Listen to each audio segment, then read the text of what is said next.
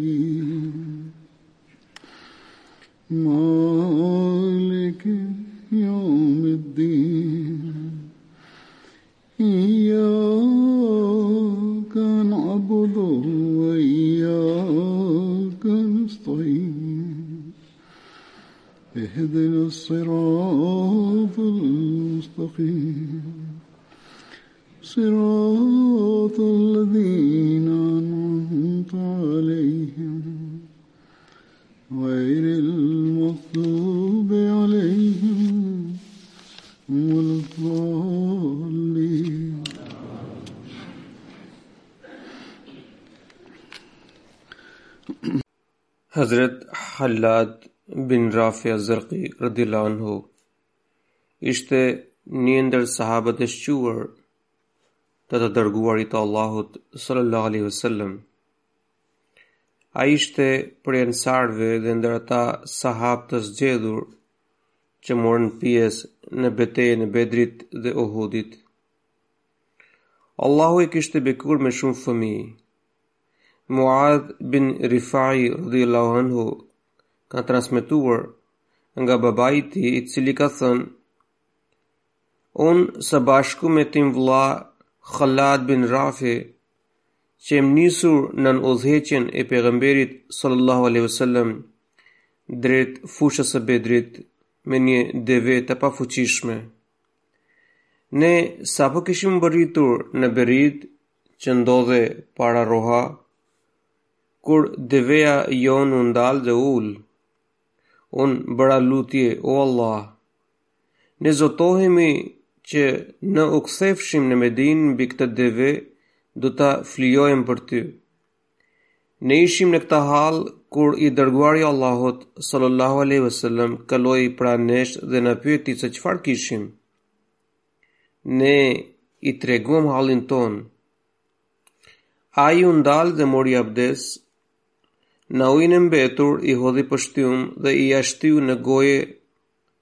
dhe pjesën tjetër i hodhi mbi qafë, gungë, shpinë dhe bisht.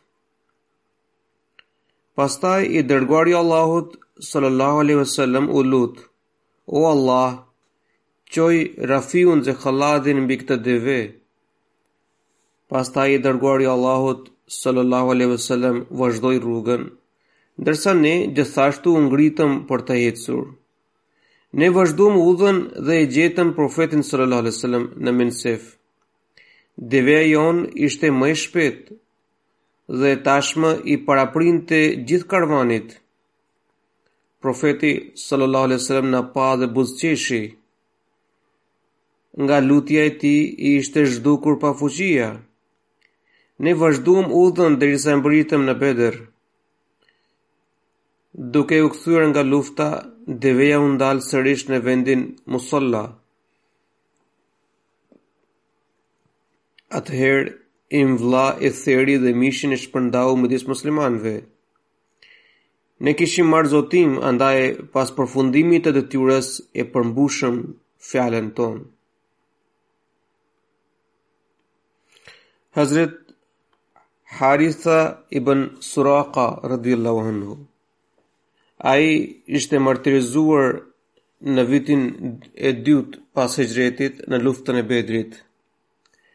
Nëna e tij Rabia binte Nazr ishte halla e Enes bin Malikut radhiyallahu anhu.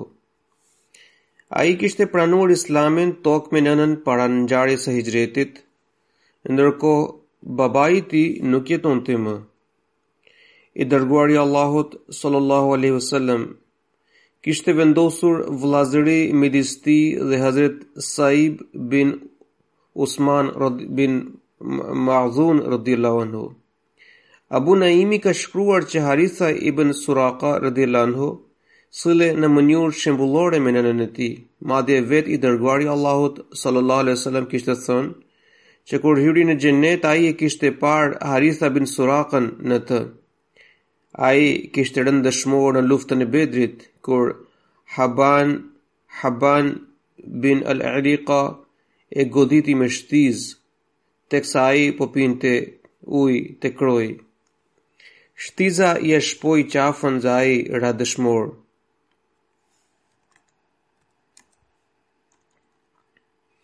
Hazret Enesi radhiyallahu anhu ka transmetuar teksa i dërguari i Allahut sallallahu alaihi wasallam po ecte e takoi një djalosh nga ensarët Profeti sallallahu alaihi wasallam i tha, "Si u gdhive o Harith?" Ai iu përgjigj, "U gdhiva me një besim të sinqertë ndaj Zotit." Profeti i tha, "Shiko çfarë po thua, sepse çdo fjalë mban një të vërtetë." Ai i tha, "O i dërguari i Allahut, zemra më është ftohur me dynjanë." Unë tërë natën rri i zgjuar dhe gjithë ditën mbetem i pangrënë. Domethënë, natën kalonte në adhurim dhe ditën duke agjëruar. Unë, sikur e shoh fronin e Zotit tim të madhërishëm me këta sy, dhe po vështroj banorët e xhenetit duke përshëndetur njëri-tjetrin, ndërsa po i shoh banorët e xhehenemit duke rënkuar në të. I dërguari i Allahut sallallahu alaihi wasallam i tha: "Mbahu fort, ti je robi që vetë Zoti ka ndezur besim në shpirtin tënd." Pastaj ai tha: "O i dërguari i Allahut, lutuni që të bie shahid." Pejgamberi sallallahu alaihi wasallam u lut për të. Dhe në ditën e Bedrit Kur u thirrën kalorësit, Haritha ibn Suraka radhiyallahu anhu ishte i pari që doli përpara dhe kalorësi i parë që ra martir. Sipas disa burimeve, ai ishte gjithashtu ensariu i parë që ra shahid në Bedër.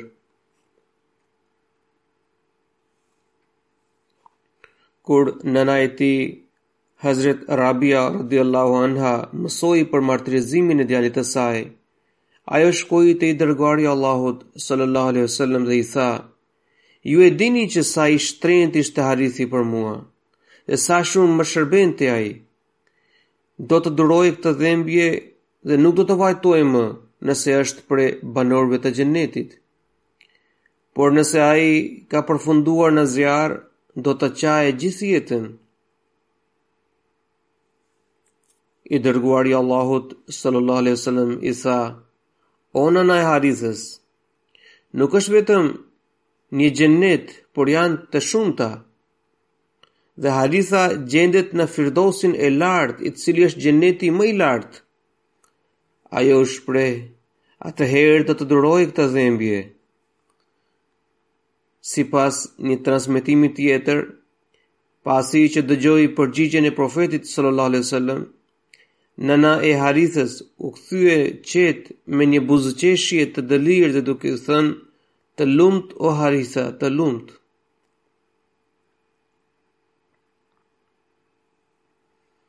Në luftën e Bedrit, Zoti i Madhërishëm i mposhti krerët e mohuesve duke iu dhënë një vdekje poshtruese. ndërsa muslimanëve u dha lavdi dhe nder. Zoti u dha bes, u dha besimtarëve myzhden e xhenetit dhe u fali të gjitha gabimet.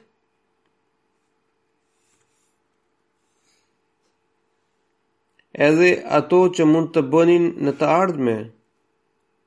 Kjo nuk do të thotë se ata mund të bënin çfarë të donin dhe kishin liri për të vepruar sipas dëshirës së tyre, meqë kishin fituar xhenetin. Por kjo do të thotë se ata kishin arritur atë shkallë besimi se nuk do të bënin asgjë kundër pëlqimit të Allahut dhe ai vetë do t'i udhëzonte ata.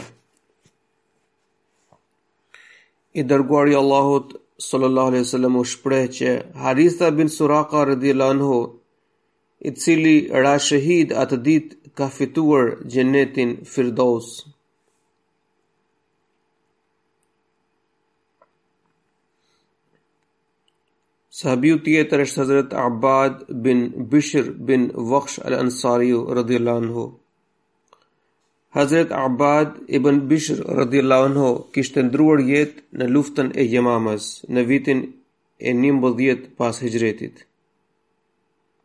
Ai njihet edhe me nofkat Abu Besh, Abu Bishr dhe Abu Rabi.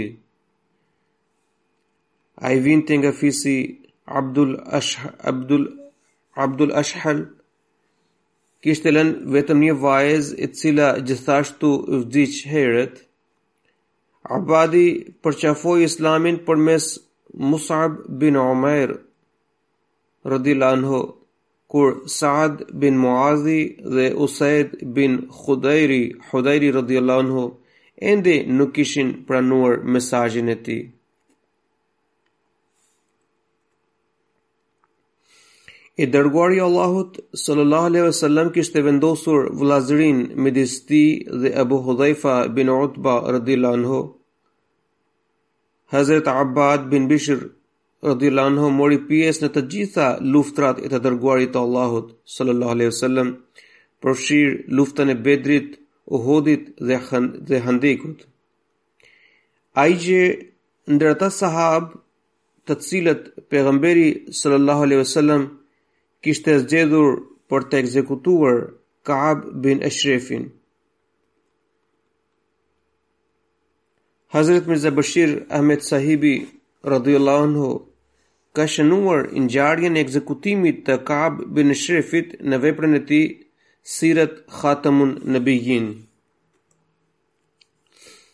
Duke trajtuar këtë ngjarje, ai u referohet librave të ndryshëm të historisë.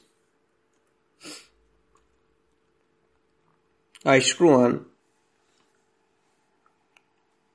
Lufta e Bedrit kishte nxjerrë në pah armiqësinë e hebrenjve të Medinës. Meqë hebrenjtë kishin pritur disfatën dhe shpartallimin e muslimanëve nga ana e mekasve, prandaj nuk kursyen të shfaqnin hapur ndjenjat armiqësore ndaj tyre, pra ndaj muslimanëve. Por lufta mori kthesë duke u dhënë fitore muslimanëve.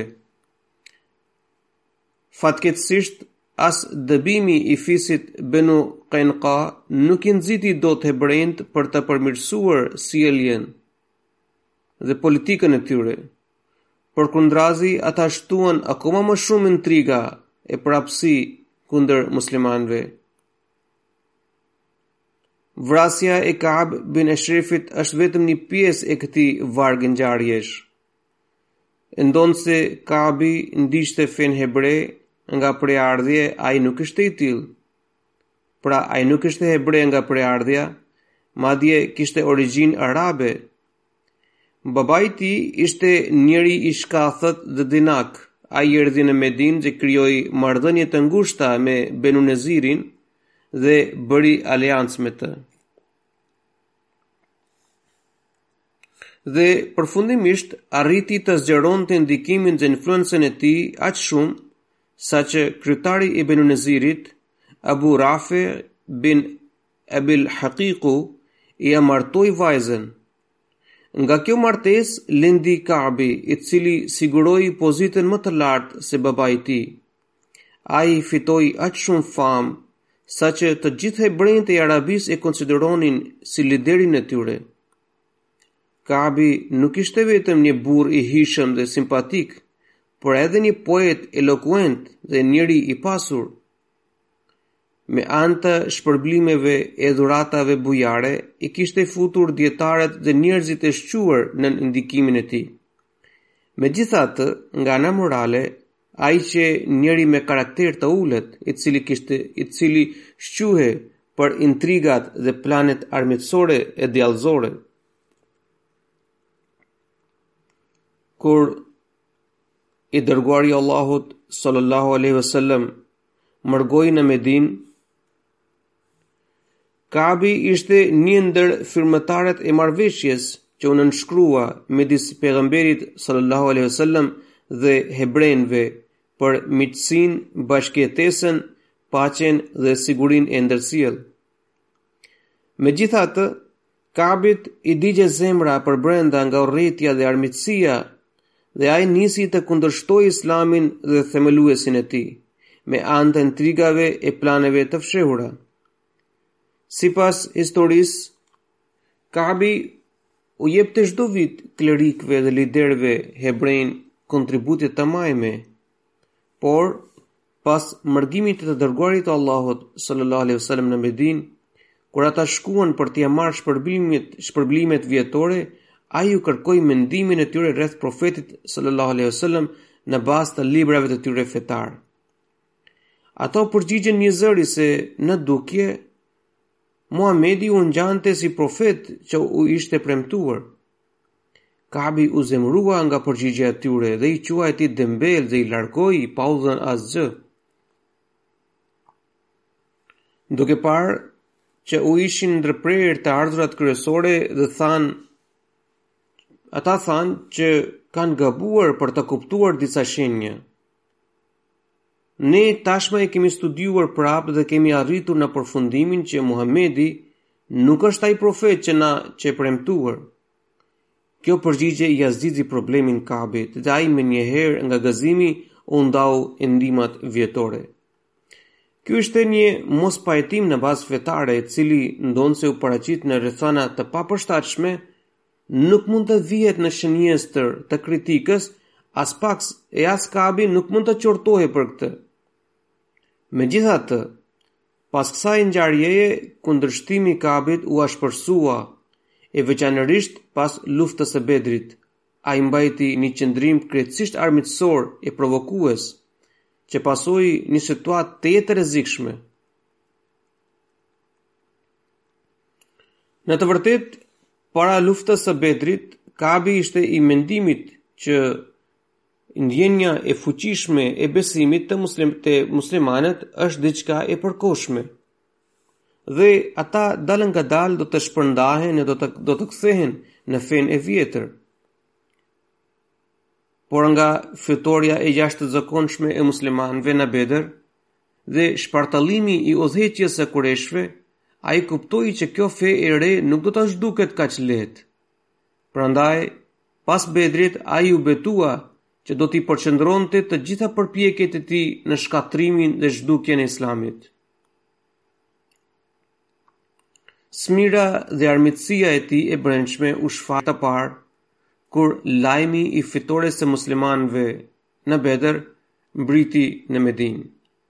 Duke dëgjuar këtë lajm, Kabi ishte shprehur hapur që ky lajm nuk mund të ishte i vërtetë, sepse Muhamedi kurrsesi nuk mund të arrinte fitore kundër ushtrisë së madhe të Kureshit dhe të posht dhe ata dhe dhe krerët e famshëm mekas të poshtroheshin.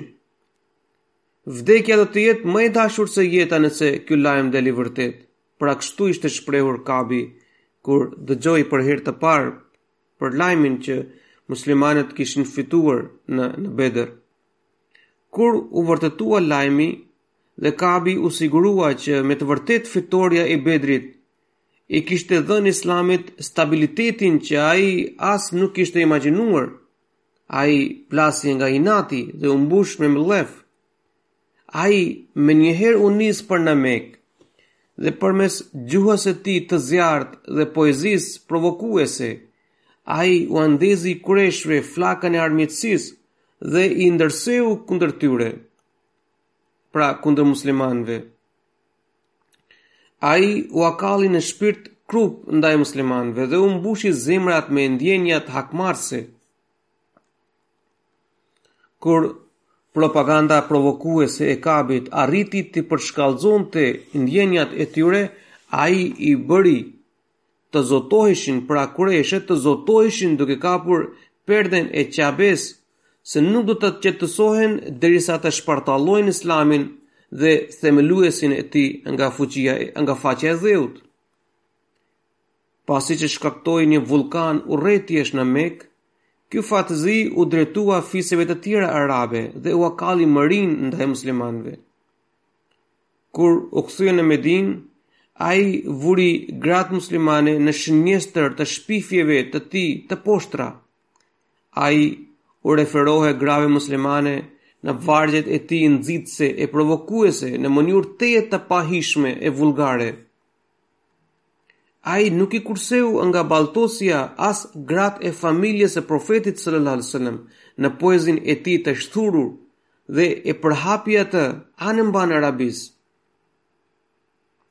sikur të mos mjaftonte me kaq Ai intrigoi vrasjen e të dërguarit të Allahut sallallahu alaihi wasallam dhe planifikoi ta ftonte atë në shtëpi, në shtëpinë e vet, duke trilluar një shkas dhe më pas të ekzekutonte atë me anë të disa të rinjve hebrej.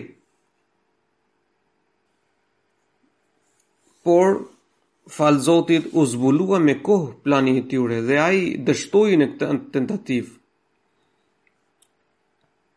Kur puna e Kabit u përshkallëzua deri në këtë pikë dhe u vërtetuan akuzat e tradhëtisë, kryengritjes, nxitjes së luftës, futjes së përçarjes, shpifjes, propagandës së fëlliqur dhe intrigës së vrasjes, Atëherë i dërguari i Allahut sallallahu alaihi wasallam, i cili sipas marrëveshjes ndëretnike e nënshkruar midis banorëve të Medinës pas mbërritjes së tij në qytet, ishte guvernatori dhe udhëheqësi, udhëheqësi i qeverisë demokratike, vendosi që Kab bin Eshrefi për shkak të veprimeve të tij të dënohet me vdekje.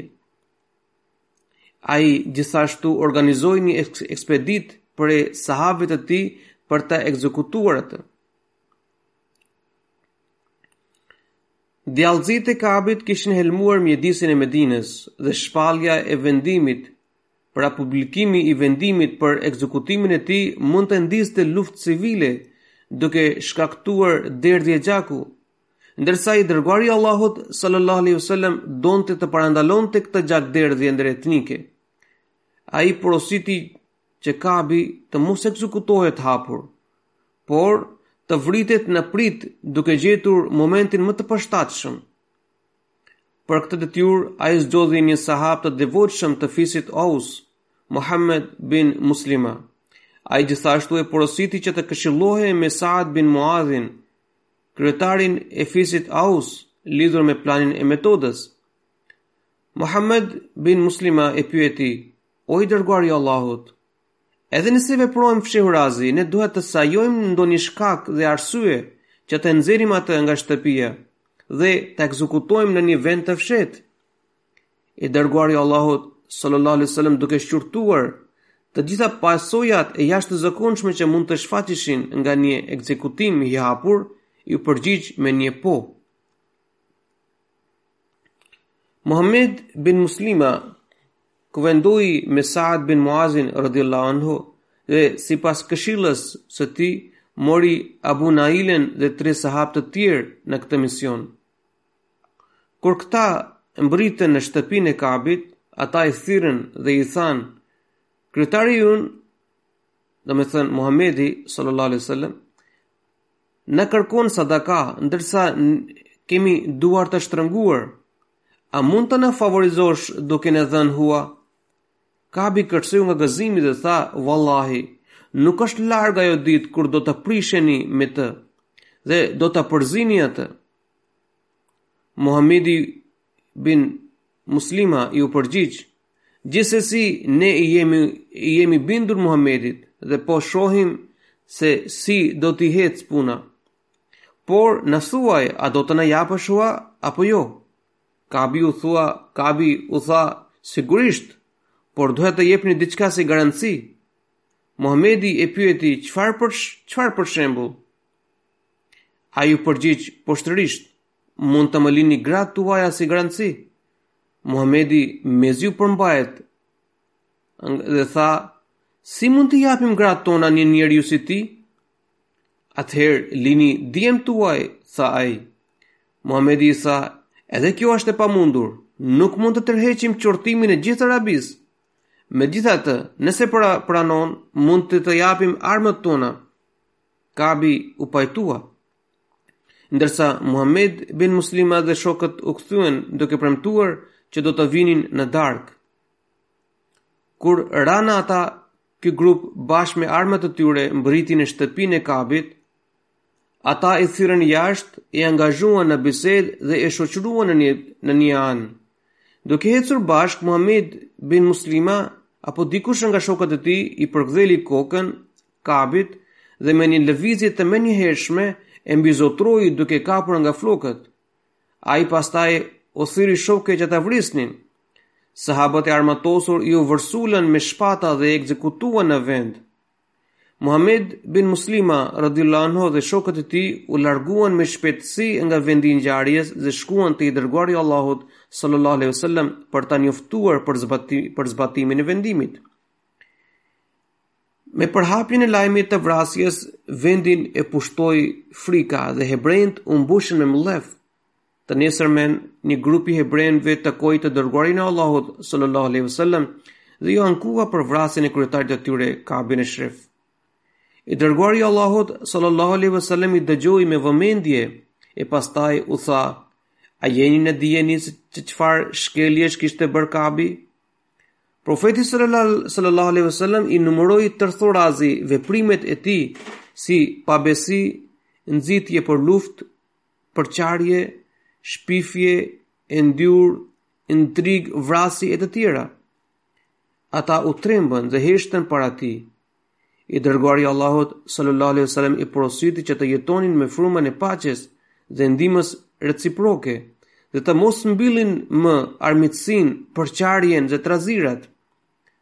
Pastaj, me pëlqimin e hebrenjve u hartua një marrëveshje e re dhe pala hebreje u zotua, që më tutje ata do të bashkëjetojnë me paqe me qytetarët muslimanë, dhe që do t'u shmangen ngatërresës, përçarjes dhe trazirave.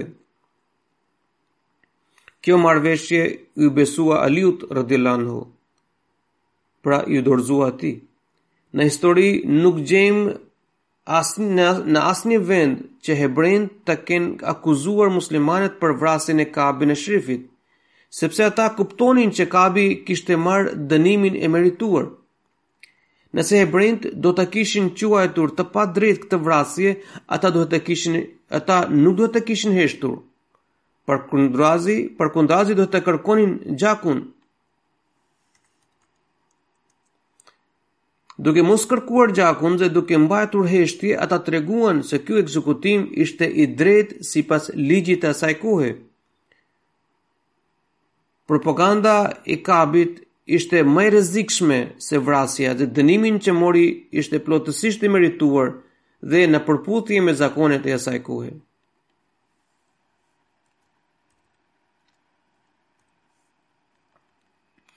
Më lejoni të sqaroj këtu që disa grupe ekstremiste apo shtetet duke iu referuar kësaj ngjarjeje proklamojnë që vrasje të tilla janë të drejta. Së pari, ata që janë në shënjestër të, të këtij dënimi nga grupet ekstremiste apo qeveritë e shteteve nuk i përngjajnë Kabit. E as nuk kanë bërë krime si ai, Së dyti, në rastin e Kabit u ekzekutua vendimi vetëm ndaj fajtorit, ndaj keqbërësit, dhe nuk u prekën aspak pjesëtarët e familjes, ndërsa këta njerëz që gjoja përligjin veprimet e tyre vrasin njerëz të pafajshëm, gra dhe fëmijë dhe dhe dhe gjymtojnë të tjerët. Sidoqoftë, këto dënime nuk janë të par, nuk janë të të, të pranueshme në në kohën e sotme.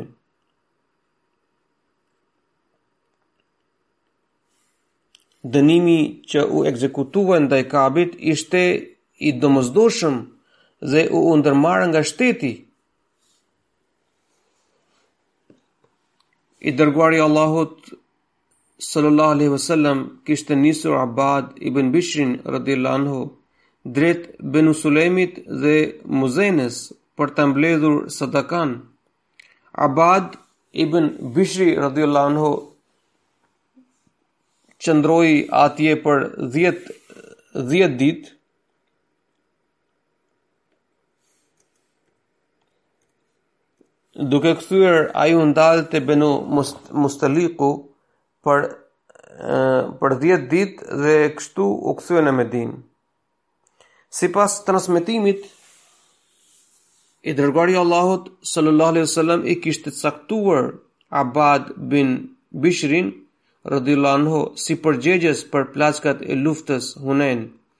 Ndërsa në luftën e Tebukut, si kryetar i rojave të tij, ai renditet ndër sahabët e shquar. Hazret Aishja radhiyallahu anha ka transmetuar që tre persona nga ensarët janë aq të shkëlqyer që asnjeri nuk ka epërsi mbi ta dhe ata që të gjithë i përkasin fisit Benu Eshhel. Ata janë Saad bin Muazi radhiyallahu anhu,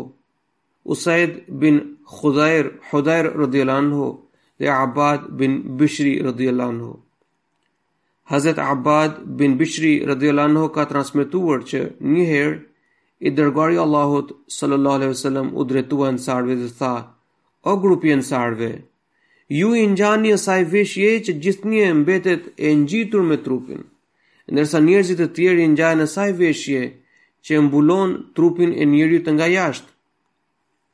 I dërguari i Allahut sallallahu alaihi wasallam gjithashtu tha: Unë jam i lumtur që nuk do të kem asnjë shqetësim nga ana juaj. Hazrat Abad bin Bishri radhiyallahu anhu u martirizua në moshën 45 vjeçare në luftën e Yemamas.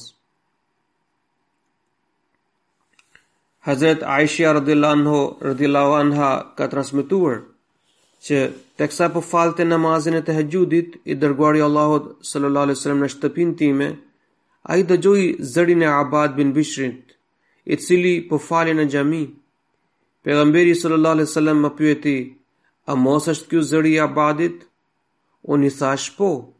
Atëherë ai u lut, o Allah, mëshiroje Abadin.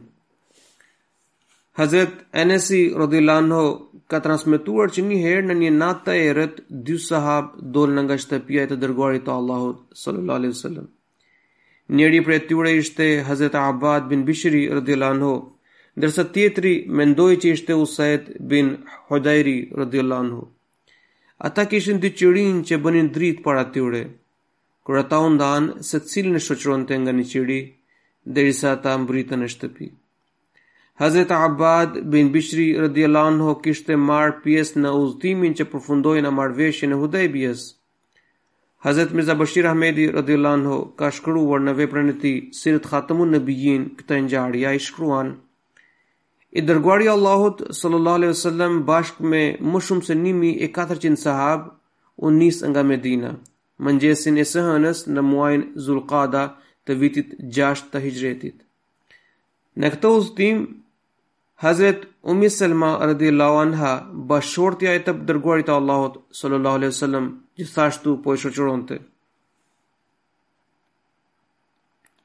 Ai kishte caktuar Numaila bin Abdullahun si kryetar i Medinës dhe Abdullah bin Ume Mektumin, i cili ishte i verbër nga sytë si imamin e e namazit, imamin e xhamisë. Kur i dërguari i Allahut sallallahu alaihi wasallam mbërriti në Dhul Hulaifa, i cili ndodhej 6 milje larg Medinës në rrugë për në Mekë, Ai porositi për të ndalur, për të për të ndaluar. Pas faljes së namazeve, sipas porosisë së tij, u shënuan 70 devet e kurbanit.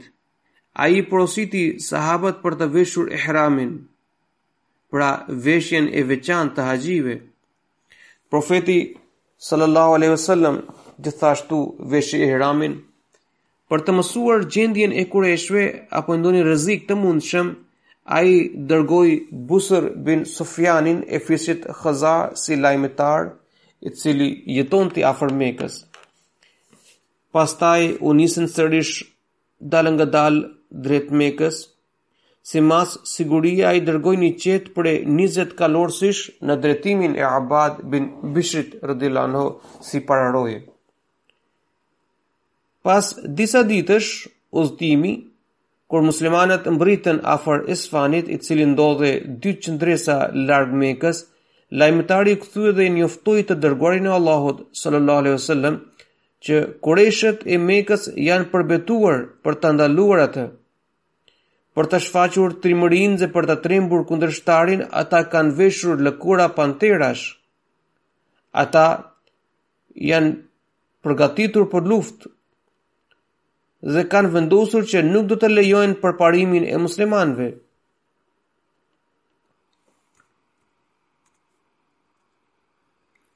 Ai gjithashtu njoftoi që forcat pararoje të mekasve nën komandën e Halid bin Velidit, i cili ende nuk kishte pranuar Islamin, i janë afruar çetës muslimane. Ikrama bin Abu Xhehel gjithashtu bënte pjesë në ushtarët mekas. Kur i dërguari i Allahut sallallahu alaihi wasallam mori këtë lajm, ai vendosi që për t'iu shmangur luftës, sahabët duhet ta evitojnë rrugën e zakonshme të Mekës e të marshojnë nga rrugët e tjera. Kështu, muslimanët ndoqën një rrugë të vështirë nga bregdeti dhe vazhduan të marshojnë përpara. Pastaj, kur mbërritën në vendin e Hudejbjes, ndodhi ajo ngjarje që përfundoi në një marrëveshje. Hazrat Abad bin Bishri radhiyallahu anhu ishte gjithashtu një prej ushtarëve, njësia e të cilëve kishte dalë si pararoje për të marrë informacion. Ai ishte sahab i besueshëm dhe i dërguari i Allahut sallallahu alaihi wasallam kishte shumë besim tek ai. Hazrat Abad bin Bishri radhiyallahu anhu mori pjesë në besëlidhjen e pemës, e cila u realizua në Hudejbije. Në luftën Dhaturrika, i dërguari i Allahut sallallahu alaihi wasallam kishte zgjedhur një lëndinë për të kaluar natën.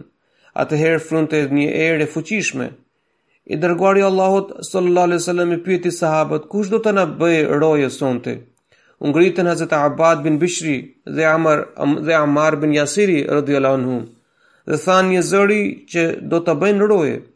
Ata të dy u vendosën në majën e lëndi e, në një e, shk, shkëmbin.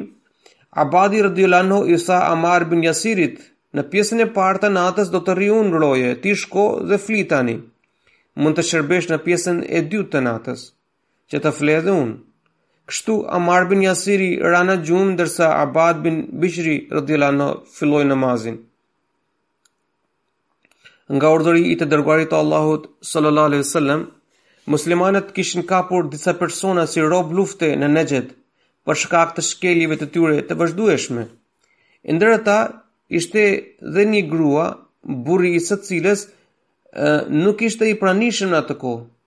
Kur u kthye ai dhe mësoi që gruaja e tij është burgosur nga muslimanët, ai u betua që nuk do të qetësohej derisa derisa nuk e dëmton vetë të pro, vetë profetin sallallahu alaihi wasallam apo të vrasë sahabët e tij.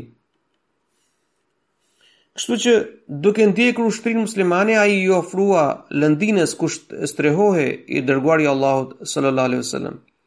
Duke parë hijen e Abad bin Bishrit radhiyallahu anhu në shkëmb, ai kuptoi se ai po ai ishte roje.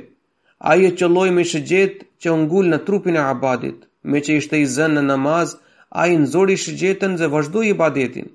Armiku qëlloi shëgjetën tjetër dhe e cila prapë u ngul në trup dhe Abadi sërish e nxori me dorë. Kur u qëllua me shëgjetën e tretë, i derdhi mjaft gjak. Ai përfundoi namazin dhe zgjoi Ammar bin Yasirin. Duke parë Abad bin Bishrin radhiyallahu anhu, anhu në këtë gjendje, ai e pyeti se përse nuk e kishte zgjuar më herët. Ai tregoi se ishte në namaz dhe po recitonte surën Kahf dhe nuk kishte dëshirë për të ndërprerë namazin. Pra, e tillë ishte shkalla e adhurimit të tyre? Hazrat Abu Said Khudriu radhiyallahu anhu ka transmetuar duke thënë: Unë kam dëgjuar Abad bin Bishirin radhiyallahu anhu Kur ai më tha, O Abu Said, natën unë kam parë në ëndërr që qielli është zbuluar për mua dhe pastaj është mbuluar. Inshallah do të bie shahid. Unë i thashë, pasha Allahun, ke, ke parë hajrin.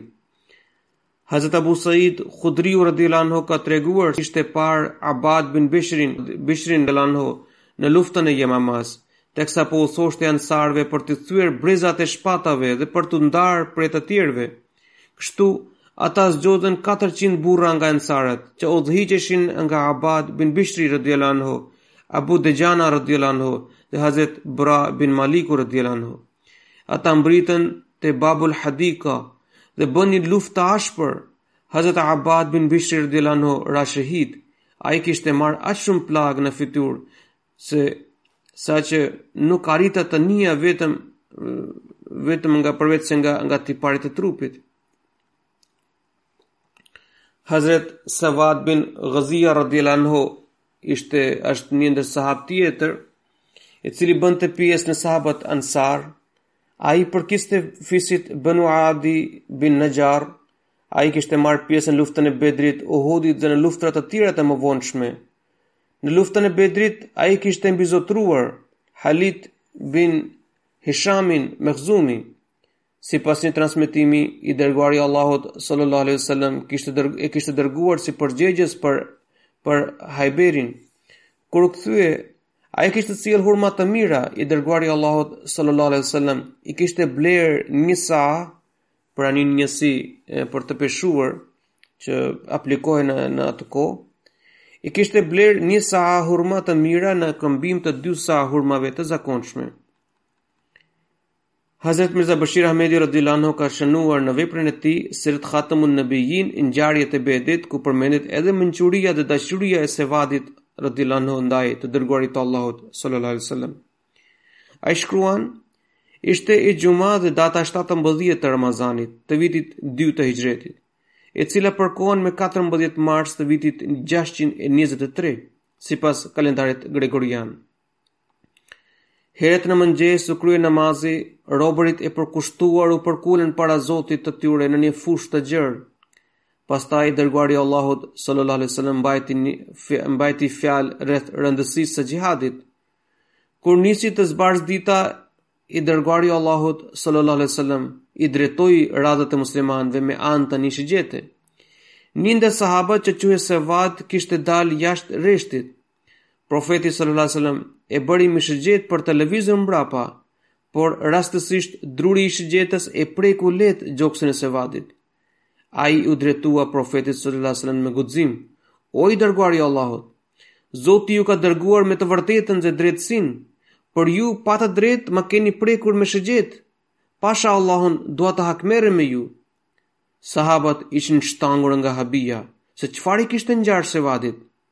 Por profeti sallallahu alajhi wasallam me shumë dashuri u përgjigj: "O Sevad, nëse unë ta kam ta kam prekur me shigjetë, edhe ti më prek me le, me të." Ai hoqi çarçafin nga gjoksi dhe Sevadi iu afrua, por i pushtuar nga dashuria ai ia puthi gjoksin. Profeti buzëqeshi dhe pyeti: "O Sevad, pse mendove këtë? Pse sajove këtë?" Ai u përgjigj me një zë të ngashëryer: "O i dërguari i Allahut, Armiku është përballë. Nuk kam asnjë haber, vallë do të kthehemi gjallë apo jo. Desha t'jua prekja trupin me trupin tim dhe të përmallesha. I dërguari i Allahut sallallahu alaihi wasallam u lut për të. Këta sahabë kishin mënyra të çuditshme për të shprehur dashurinë e tyre karshi profetit sallallahu alaihi wasallam. Hazrat Akasha radhiyallahu anhu ishte në moshën madhore por gjithmonë kërkonte ndonjë çast që t'i shprehte dashurinë e tij të dërguarit të Allahut sallallahu alaihi wasallam dhe të tërhiqte bekimet nga afërsia e tij. Allahu ua lartësoftë shkallët shpirtërore këtyre yjeve të ndritur dhe na mundësoftë të njohim thelbin e dashurisë ndaj këtij profeti arab. Amin. Allahumma amin.